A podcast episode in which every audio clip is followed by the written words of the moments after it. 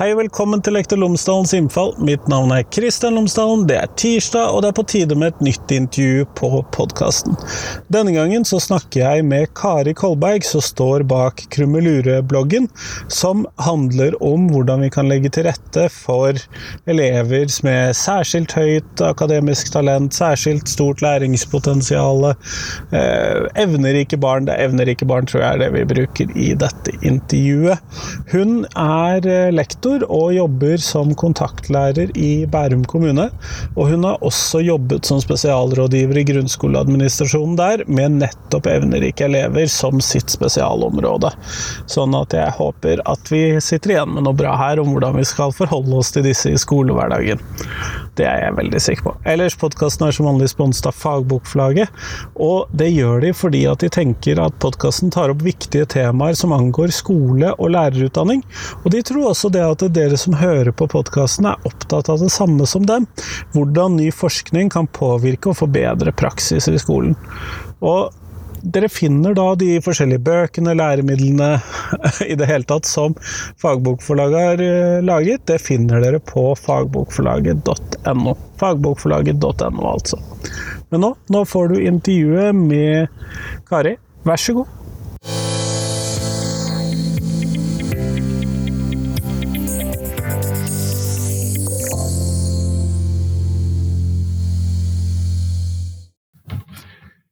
Kari Kolberg, tusen takk for at du har tatt deg tid til meg i dag. Veldig hyggelig å bli spurt, og at vi endelig fant tid. Ja, dette er jo skal vi se, 400 episoder eller der omkring etter at vi først prøvde å finne en dato. ja, det, det, kommer seg, dette her. Det gjør det. Men eh, fortell lytterne mine tre ting om deg selv, sånn at de kan få bli litt bedre kjent med deg. Ja eh, jeg har to fulle utdanninger. Én eh, utdanning fra 20-årene hvor jeg trodde at det var noe jeg skulle gjøre. Eh, tysk og sånn. Og så fant jeg ut at det var lærer jeg skulle være, så da tok jeg lærerutdanning i voksen alder.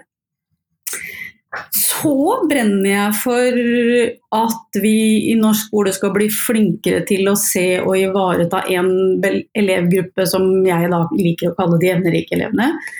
Um, men for meg handler det først og fremst om god undervisning.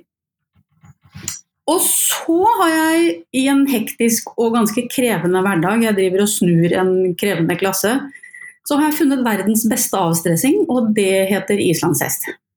Så natur og hest og fine folk i stallen, det har jeg funnet ut at er, det er sånn zen moment som uh, slitne lærere trenger når det buldrer på jobb. høres veldig bra ut. Det er godt med å vite hvilke ting som uh, tar stressnivået ned igjen. Jepp, det trenger man.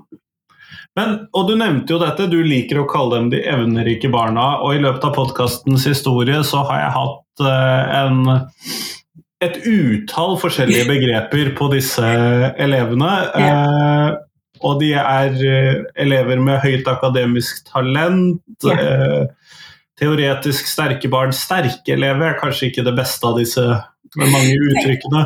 Altså, jeg tenker, altså, da jeg begynte å klore i dette temaet i rundt sånn 2010-2011 eller noe sånt, så hadde vi jo ikke et norsk begrep i det hele tatt. Det fantes ikke et omforent begrep innenfor norsk la oss si lærerutdanning, pedagogikk, eh, forskning. Så vi snakket jo ikke om denne gruppen barn engang. Og da snakka man, man, mye om barn som var høyt begavet. Og det syns jeg var veldig rart. Det hørtes ut som vi hadde tatt det med oss fra svensk. Eh, men så fikk vi jo Jøsendal-utvalget som hadde oppdrag fra kunnskapsministeren, Røe Isaksen, og så landa de ned på begrepet elever med stort læringspotensial. Og det er jo, det er jo på en måte begrepet med stor B. Det er begrepet som er valgt. Men det er klart når jeg står og holder kurs La oss si at jeg har et heldagskurs da, som begynner klokka ni og slutter klokka fire. Eh, så kan ikke jeg si elever med stort læringspotensial hver gang jeg skal snakke, med, snakke om denne elevgruppa. Så for meg så er det litt det, det er en liten shortcut å fortsatt gå til begrepet evnerike elever, evnerike barn. Um, så jeg bruker jo som regel det. Men så sier jeg også at det norske begrepet er elever med stort læringspotensial, og innenfor der så har vi da gruppen elever med ekstraordinært læringspotensial. Og hvem er disse elevene, eller hva er det man da tenker på? Altså, først og fremst så handler det om um, barn som ikke alltid altså De kan være de elevene som vi har som sitter førerst i klasserommet, og som rekker opp hånda og som har svar på alt. Uh, eller som skjønner det vi skal ha om i tre uker. Det har de skjønt på de første 14 minuttene jeg har begynt å snakke. Så er de liksom ferdig med temaet. Um, så det er jo klassisk mange av dem som er uh, høyt presterende i klasserommet. Uh, kanskje særlig hos de eldre elevene de som har knekt skolekoden. Men så kan det være også en gruppe som er høyt protesterende. Fordi at de blir eh, eh, ditto fortvila over at i all verdens rike skal vi ha om gradbøying av adjektiv igjen? Eller eh, Kari, du det, altså, du sier at Pluto er en planet, for det står i boka, men det er faktisk ikke det. Og da blir jeg sur og grinete fordi du sier feil. Eh, sånn at jeg tror brillene vi møter elevene våre med, eller måten vi ser elevene våre på, um, har godt av at vi kan noe om denne elevgruppa her òg. Og det gjelder for så vidt altså barnehagebarn også. Eh, lærere er jo i begge, både i barnehage og i skole. Så det gjelder egentlig både de som møter de yngste barna, og de som møter de midt imellom, og de som møter de eldste barna det er i det hele tatt en ganske stor og blandet gruppe. Jeg må si at jeg likte begrepet høyt protesterende elever. Det... Ja, for, det, for, for, meg så handler det om at um, barn, barn, gjør i utgangspunktet mitt når jeg møter barn, så er det de gjør så godt de kan innenfor de rammene jeg gir dem. Og det er klart at Hvis jeg bedriver undervisning med håndbrekket på, så kan det hende at det er noen av mine elever som tenker altså her er det ingen voksne hjemme, dette orker jeg ikke, og, og, så agerer de deretter. Sånn at jeg må se på min undervisning, hvordan møter jeg den eleven, eh, føler den eleven seg sett, møtt og forstått, og klarer jeg å tilpasse oppover, da, og ikke ha på håndbrekket. Og det å tilpasse ha det ikke på det håndbrekket, syns jeg er et ganske betegnende bilde. Men hvis vi da skal gå til et utgangspunkt der og se på hva er god undervisning for denne elevgruppen, eventuelt eh, for alle elever, inkludert denne elevgruppen. Jeg er litt usikker på hvordan du har lyst til å angripe det svaret. Altså, for meg så handler det først og fremst om god undervisning. Først, altså det handler om um, at jeg tenker hvordan kan jeg eh, åpne denne skriveoppgaven sånn at um, han eller hun som trenger en, eh, å gå i dybden eller i bredden, kan få lov til det. At jeg ikke snevrer inn undervisningen min sånn at jeg mister dem som som trenger å gå videre eller dypere eller lenger. Um, og så må jeg ha en romslighet i når en elev sier dette vil jeg ikke gjøre'. Nå har jeg jobbet mye med de yngste. Så må jeg ha en romslighet og tenke Nei, men vet Du hva, du skal slippe å skrive ord på bokstaven S. Du. Du, kan mange, du kan få lov til å skrive en hel historie, og så har jeg et bilde her. Og så kan du få lov til å skrive den historien du har inni hodet ditt og gjør så godt du kan med det. Eh, sånn at det handler om at jeg må være romslig, og så handler det om at jeg må tenke helheten i elevgruppa mi. Da, fra de som har mm, ekstra motor, og de som trenger eh, mer hjelp. Jeg mistenker jo at eleven som kan skrive en hel historie til dette bildet, også skriver en del ord på S. Jeg må innrømme ja, at jeg mistenker det. akkurat det. Ja. Um, og det det, det handler altså, Igjen og igjen så tenker jeg Jeg tenker jo mye undervisning eh, altså Jeg er jo blitt sånn lærernerd som elsker å grave meg ned i artikler og sånn, og jeg har overskudd, vel å merke. Um, og igjen og igjen og igjen og igjen så er det det, er det det, det koker ned til. Ja, jeg må se til læreplan, ja, jeg må se til hva vi skal jobbe med dette temaet, men jeg må også tenke ok, hvor, hvordan kan jeg åpne opp for han eller henne som sitter der og brenner etter å få lov til å gå litt videre, da. Men du snakket nå om at du ikke har et tak, eller at du må passe på å ikke ha et tak på undervisningen og ikke ha på håndbrekket. Dette er to begreper jeg mistenker at du bruker litt om hverandre. Men ja. kunne du beskrive litt hva du tenker på da? Både litt sånn teoretisk og litt sånn praktisk? Altså, du, du har, her har du praktikeren eh, Jeg tenker jo veldig ofte praktisk når det gjelder disse elevene her. Eh, men det, det det handler jo om at um, med de yngste, da, så må jeg ikke være så opptatt av at vi skal uh, lære to bokstaver i uka at jeg glemmer at jeg har elever som leser flytende, eller som er i gang med å skrive masse. Um, eller med litt eldre elever, så, ja, så kan det hende at vi holder på med middelalderen. Eh, men det kan jo hende at jeg har en elev i det klasserommet som trenger å eh, mens de andre har liksom sliter litt og jobber litt kanskje med kristendommens betydning og Martin Luther og sånn, så kan han eller hun få lov til å tenke store linjer fra eh, å sammenligne norrøn mytologi med hvordan eh, katol katolisismen var og hvordan Martin Luther tenkte. altså det, det, handler om å være bevisst Altså, jeg hadde en elev en gang som sa Kari, på skolen blir vi bare stilt spørsmål som er hva, hvem, hvor og når.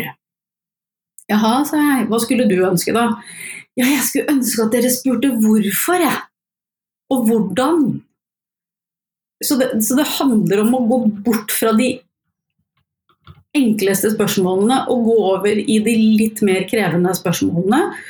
Og så kan det hende at, noen, altså at, det passer faktisk for mer enn bare den ene eleven jeg har i klasserommet som jeg tenker på som har et stort læringspotensial. Det er jo noe med det at når jeg tenker god undervisning og åpner opp, så åpner det for at flere tar den muligheten. Og så kan det jo hende at akkurat i det temaet vi holder på med nå, så fyrer det av i flere hjerner. Og så kan de tre eller fire som fyrer av på dette temaet, få lov til å jobbe på en annen måte, da. Og i en større bredde enn hvis jeg sier at nå skal vi pugge årstall i Ja, jeg tror ikke vi gjør det lenger, men gå litt bort fra de enklere oppgavene. Ja, det vil jo i hvert fall for noen elever kunne absolutt være mer inspirerende. Det, jeg merker jo at det er ganske stor bredde innad i et klasserom, og det leder meg jo kanskje til det neste spørsmålet mitt. Dette skal jo også gjøres samtidig som vi skal tilpasse dette si 15, 20, 25, 30 andre ja. elever i dette rommet. Mm. Det, det gjør det jo komplisert. Ekstremt komplisert. Og det, altså jeg har jo lyst til, når norske skolepolitikere snakker om uh, liksom, Nei, det spiller ingen rolle hvor mange elever man har i et klasserom, f.eks., så har jeg jo lyst til å gi dem en stor bolle. Uh, for selvfølgelig spiller det en rolle. Altså, om jeg har 28 andreklassinger, eller om jeg har 22, det er natt og dag, det. Uh, men det er fortsatt komplekst. Og, og, og begrepet tilpassa opplæring sånn historisk sett kom jo med at uh, vi la ned spesialskolene og uh, det kom noe inn, elever inn som, med et strev som vi måtte være oppmerksom på. Uh, sånn at jeg, jeg, er veldig glad for at jeg over de siste ti årene har sett en utvikling i at når vi snakket om tilpasset opplæring, så snakket vi om det vi gjorde for elever som strever med skolefag. Mens i dag så er det kanskje en større bredde når vi snakker om elev, den elevgruppa vi har i klasserommet. Da. At, at tilpassa opplæring er, er, er, noe vi gjør for flere. Men jeg er livredd for at vi skal um, vi, altså, at lærere der ute skal tenke at ja, jeg skal drive undervisning for elevgruppa mi, og så skal jeg drive med tilpassa opplæring for evnerike elever også. Fordi at hvis jeg skal klippe og lime og laminere og styre med noe ekstra, det er ikke noe i hvert fall denne læreren her klarer. Altså, de Hver gang jeg må gjøre noe ekstra, da faller det ut fordi at plutselig så har du fått en mobbesak. Eller så har du en elev som har skilsmisse på hjemmebane. Eller så har du elever med, som, som, strever psykisk. Som du, som, og det brenner. Og da faller alt dette ekstra. Det faller bort. Men hvis jeg har satt meg ned og tenkt god undervisning, ehm, eh, kjenne elevgruppa, tenke hvordan kan denne skriveoppgaven gjøres sånn at også den eller de elevene som trenger at jeg løfter taket, føler seg sett og møtt. Da har jeg det lettere. Altså, jeg, jeg sier ikke at det er lett, men hvis jeg klarer å implementere det sånn at jeg tenker elevgruppa som helhet, så får jeg det til. Men det er klart at eh, la oss si at vi har noen uker på høsten hvor, hvor, det er utviklingssamtaler og mindre og mindre, lite tid til å planlegge undervisning. Det er klart at da må jeg kjøre planke, jeg òg. Eh, men så tenker jeg ja, det er greit å kjøre planke. Jeg får ikke til optimalt god undervisning alle timer, alle fag. Men jeg skal i hvert fall ha nok i bagasjen min og nok um, romslighet når jeg planlegger til at jeg skal få det til mest mulig. Ja. Men optimalt tilpassa opplæring til enhver tid, med knokkfulle klasserom og elever som La oss si sånn som nå, hvor jeg har hatt en klasse som, med elever som må landes igjen. Det er ekstremt krevende. Så du må ha rammer og rutiner og hele liksom kassa rundt elevene på, plass, og så kan jeg få det til. Så kan du gjøre noe annet, ja. eller, ja, eller ikke noe annet. Da får jeg til å gjøre en bedre jobb. Altså mm. Men denne elevgruppen, så, så, vidt jeg har forstått denne her, um, tilpasset opplæring og det som ligger i loven, og sånn, så har de, denne elevgruppen et svakere vern enn uh, de elevene som hva skal vi kalle det, trenger uh, noe mer den andre veien? Ja, altså eh, Det ble jo sagt, altså, sagt en gang, eller skrevet faktisk på Stortinget, at uh, elever lett, alle elever har rett på tilpasset opplæring, unntatt de som lærer raskere og sånn. De, de, vi vil ikke ha noe skriftlig på de. Uh, men samtidig så er det så lenge siden at jeg tror ikke i hvert fall sånn som jeg leser norske lærere, eh, sånn som jeg leser alle vi som står med bena ordentlig godt planta i klasserommet, så, så, så, er vi ikke der i dag. Det, det er klart at en, en, det rettslige eller um, den problematikken, det er noe annet. Men jeg, jeg føler ikke at norske lærere sier ja, ja, vi kan tilpasse for de andre, men ikke for denne elevgruppen. Det handler nok mer om når denne elevgruppen ikke blir sett og møtt, så handler det for meg i hvert fall først og fremst om at den, den, den skolen eller de lærerne kanskje ikke har de riktige brillene på seg, fordi vi mangler kunnskap. Det er ikke naturlig, en naturlig del av lærerutdanninga å snakke om denne elevgruppa her òg. Eh, nå skrev jeg en artikkel for noen år siden, eh, en sånn fagfellevurdert, som jeg har kommet inn i pensumlistene både på Universitetet i Bergen og i Oslo og i Trondheim. Sånn at når jeg møter lærerstudenter rundt omkring, så har mange lest den artikkelen, og mange har nå hatt den, og liksom hatt den oppe i noen seminar og diskusjonsgrupper og sånn. Så der har vi jo kommet et stykke. Men det er klart at vi er ganske mange som har lærerutdanning fra noen år tilbake. Og hvis jeg plukker opp telefonrør i dag og ringer til Universitetet i Oslo og sier jeg vil ha videreutdanning om dette, så finnes det jo ikke. Um, og hvis jeg som lærer er fortvila i møte med en elev og tenker jeg vil ha, ha en andrelinjestøtte, jeg vil ringe PP-tjenesten ja, og så vil jeg få hjelp til å ivareta denne eleven, hvordan kan jeg gjøre det? Så er ikke det en selvfølge at jeg har en andrelinjestøtte kan, altså I noen kommuner så har, sier PP-tjenesten yes, dette er også en elevgruppe som vi ønsker å ivareta. Um, vi ønsker å bli bedre på det, sånn at skolen får støtte fra oss. Mens i andre kommuner så sier PP-tjenesten nei, dette er ikke vårt bord. Og det er klart, som lærer så står du da fryktelig alene. Hvis du da ikke har noen å ringe til. Og det hender jo da at jeg Jeg har jo opplevd å få anonyme telefoner fra PP-tjenester rundt omkring. Ehm, jeg har blitt oppringt fra foreldre, jeg blir oppringt av lærere. Eh, og jeg sier jo det at jeg kan godt stille, altså jeg kan godt snakke med noen, først og fremst skoler og lærere og PP-tjeneste. Jeg føler at det er der kompetansen min skal være. Eh, men det er jo synd at det skal være opp til et privatmenneske. At ikke dette her er noe vi kan gjøre på systemnivå. For alt vi gjør på systemnivå, det gjør vi litt bedre, tenker jeg. Og kan gagne flere elever, og ikke bare enkeltelever. Ja, og det er jo det forskninga sier internasjonalt også, at i det øyeblikket vi løfter blikket nok og ivaretar disse elevene, så åpner du også opp for andre. Eh, det er derfor det er så viktig å tenke at det er ikke noe spesielt vi skal gjøre for den, den, de tre elevene på trinnet. Men vi skal gjøre det for alle 90 på trinnet. Sånn at kanskje de tre, pluss noen til, oppdager at yes, her var det noe gøy. Her var det noe gøy, ja. Det er jo eh, Det er jo ofte et godt perspektiv for å skape god og engasjerende læring. Ja.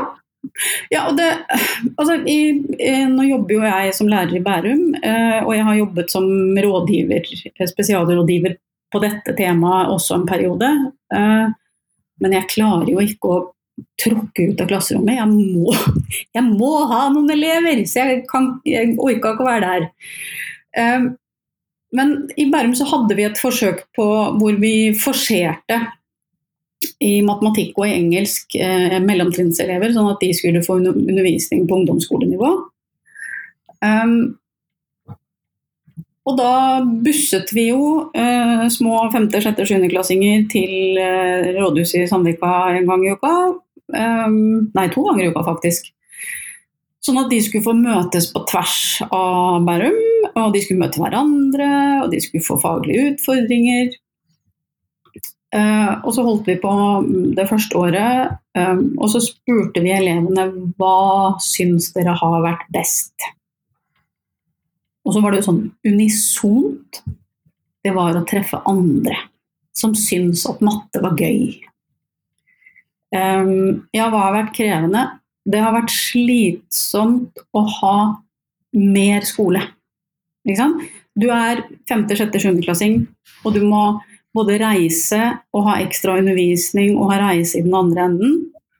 Eh, og det var, det var, slitsomt å ha ekstra skole utover alt det andre. Eh, det at dette ikke da var lagt i den vanlige undervisningstiden mm. for disse fagene, var et problem. Det var et problem. Eh, så har vi jo snudd på flisa litt eh, i Bærum etter hvert. Eh, nå, nå, gjøres det på en litt annen måte. De treffes litt sjeldnere. Nå er det matematikk bare, da. Og de treffes sjeldnere, de skal jobbe mer i matematikktimene selv. Og jeg ser jo at altså Nå har jeg en elev som er med på dette i min egen klasse, og det er jo fortsatt sånn at hun opplever at det blir mer. det, det er, ja, hun jobber med det i timene på skolen, men det er allikevel mer skole. Uh, og jeg tenker jo at uh, det er kjempeviktig at vi har det tilbudet. Det er fantastisk for de få som får lov til å være med. Men samtidig så skal vi også ha en respekt for at det, det er lov å si nå er det litt mye. Eh, de er barn. Altså, det er jo også en, en, ting jeg brenner for. Da. Det er jo at disse elevene her, de er først og fremst barn og unge. Og kommer til oss i barnehager og skoler med liksom alt det. Og så har de denne lille saken som vi må vite om, at de trenger faglige utfordringer. Eh, men først og fremst så er de barn og unge, og må bli møtt som det, og sett som det. Ja, og det er det jo, men eh, jeg hører du nevner matematikkfaget, og det er jo veldig ofte matematikk og naturfag man ja. uh, tenker på mm. i dette tilfellet. Eh, husker vi på de som har, er evnerike innenfor andre fag? Nei, altså Jeg tenker jo at Det har jeg tenkt på helt siden jeg begynte å, å holde kurs og ja, lese forskning og jobbe med dette temaet. Det er at det er veldig ofte mattelæreren som sier ja, det, jeg, jeg, har en sånn, eller du, jeg har tenkt på. Det er veldig ofte. Veldig ofte mattelæreren som på en måte er påskrudd, men det er kanskje fordi at det er eh, å si, lettere å se to streker under svaret der. Men du har jo elever som som eh, utmerker seg språklig eh, sterke Altså eh, sånn som min pode leste 5000 sider eh, høsten i tredje klasse. Lesing og skriving var liksom absolutt det sterkeste. Eh, men samtidig så fikk han ikke lov til å gjøre så mye annet enn å skrive grammatikkoppgaver i norsk. Han elsket jo å utfolde seg på skrive, skriveoppgaver, men fikk ikke alltid lov.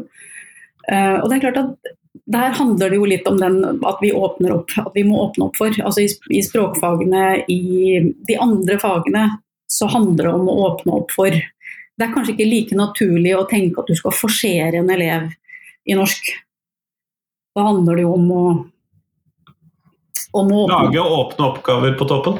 Mm, ja, ja, altså eh, Og så er det jo sånn at altså, i møte med, med dette temaet her, så er det jo uh, mye magefølelse uh, og ofte lite kompetanse hos dem som ser elevene.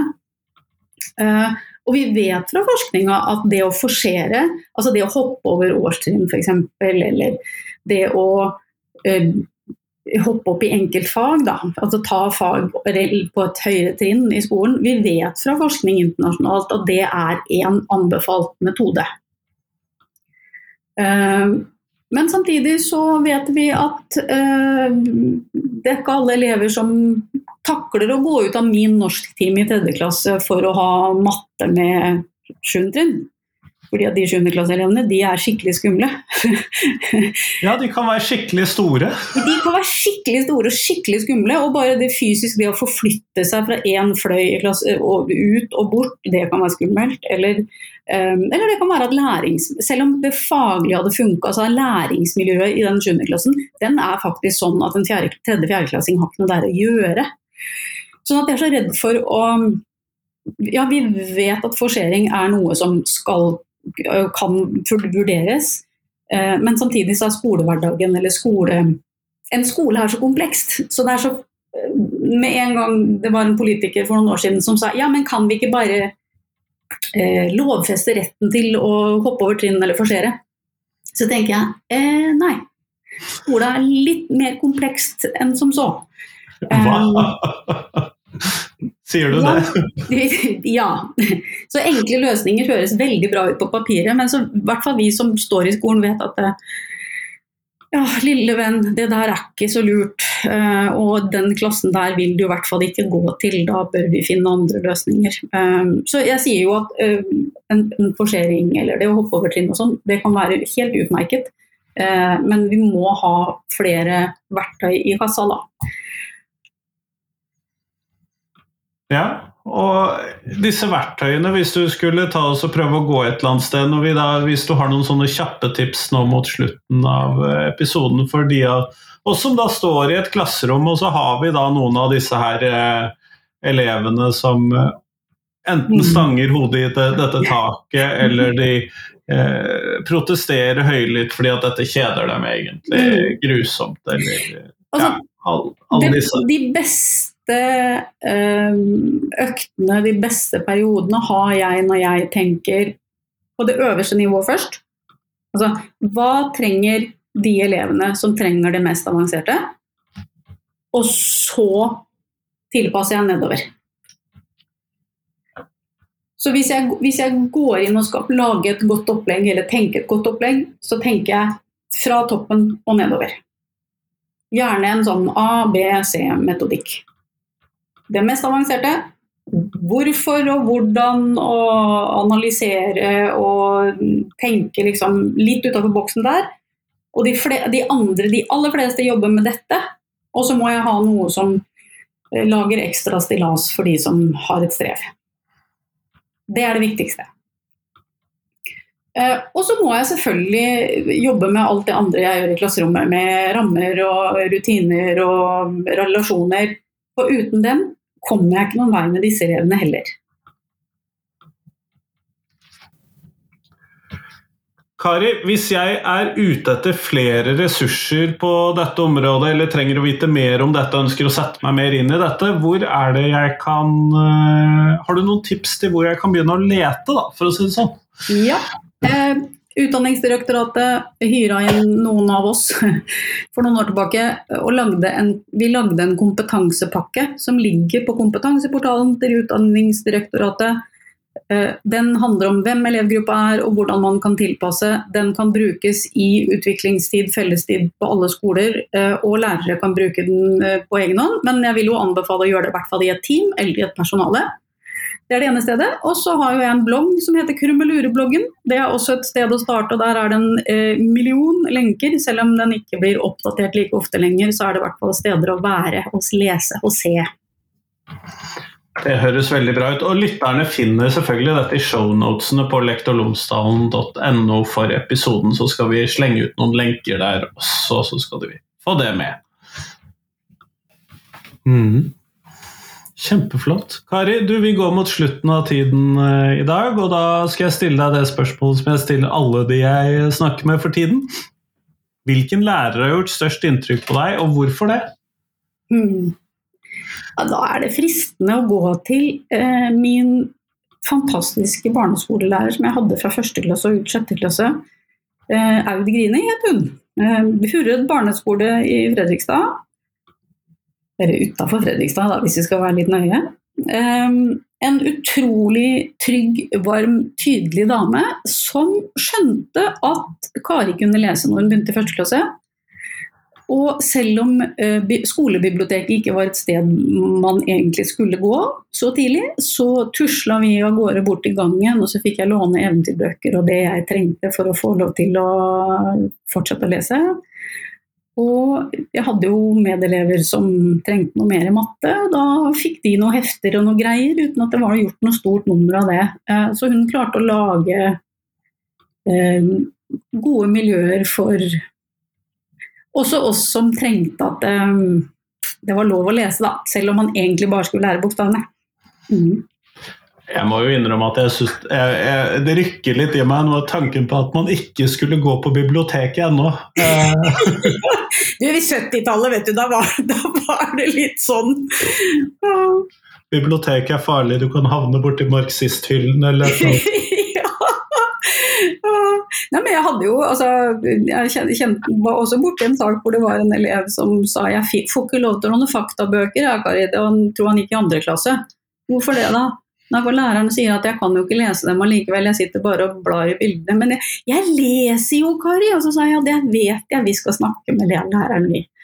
Men læreren var jo ikke vant til at uh, andreklassinger leste såpass avanserte dinosaurbøker. Uh, og så måtte vi sette oss ned og så må vi, måtte vi lese litt høyt, og så oppdaga læreren at å ja, det var ikke bare å titte på bildene. Her måtte vi lese tydelig også. Når det er sagt, jeg tror det er mye læring i det å se på bildene også. Det er det også! Mye undring og mye gøy. Det er helt riktig. det er Kjempeflott, Kari. Tusen takk for at du tok deg tid til meg i dag. Bare hyggelig.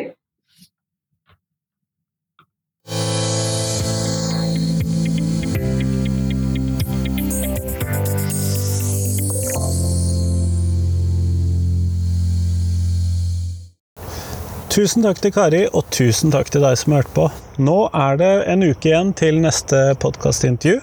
vil Si, det kommer en reprise på fredag. Jeg sørger for at de gjør det, så får vi hentet fram noen gullepisoder fra podkastens tidlige historie. I løpet av de neste ukene så kommer vi til å gå gjennom siste halvdel av 2018, tror jeg, og der er det veldig mye bra. Så får du være spent på hva det er som faktisk kommer, og hvilke episoder jeg velger å hente ut som dette. Men podkasten min setter stor pris på at du deler podkasten min med noen som du tenker at vil like podkasten, som trenger innhold i den, eller som på andre måter setter pris på en slik podkast om det store bildet av norsk skole. Enten det er i fag, eller det er utenom fag, eller det er i politikken, eller hva nå det er som er folks interesse. Så jeg setter stor pris på at du deler podkasten min med noen. Jeg syns det er veldig gøy at så mange hører på podkasten, og vel Men eh, du får ha en fin uke fram til neste repriseepisode, og så satser jeg på at du får en god skolestart etter hvert. Hei, hei.